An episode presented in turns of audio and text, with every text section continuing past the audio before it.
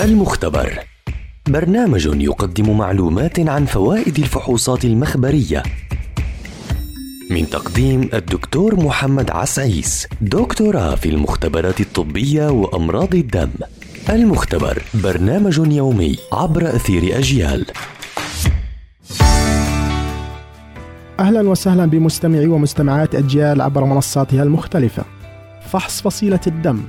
يعتبر فحص فصيلة الدم من أهم الفحوصات اللازمة قبل إعطاء الدم أو التبرع به أو أثناء فترة الحمل حيث من خلاله يتم معرفة نوعية وفصيلة الدم للمتبرع وللمستقبل حيث يجب توفر تطابق كامل بينهما قبل عملية نقل الدم.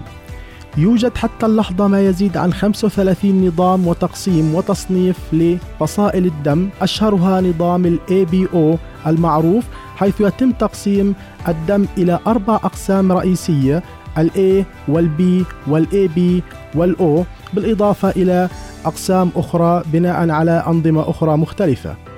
أيضا يعتبر نظام العامل الريزيسي من أشهر أنظمة الدم والتي تقسم الدم إلى ثمان أنواع أربعة موجبة وأربعة سالبة أي لا تحتوي على العامل الريزيسي تعتبر فصيلة الدم O من أكثر الأنواع انتشارا ومن ثم تأتي فصيلة ال A ومن ثم ال B وبعدها ال AB تسمى فصيلة الدم الأو سالب فصيلة الدم الكريمة حيث يمكن إعطاء هذا النوع من الدم لأي فصيلة دم أخرى.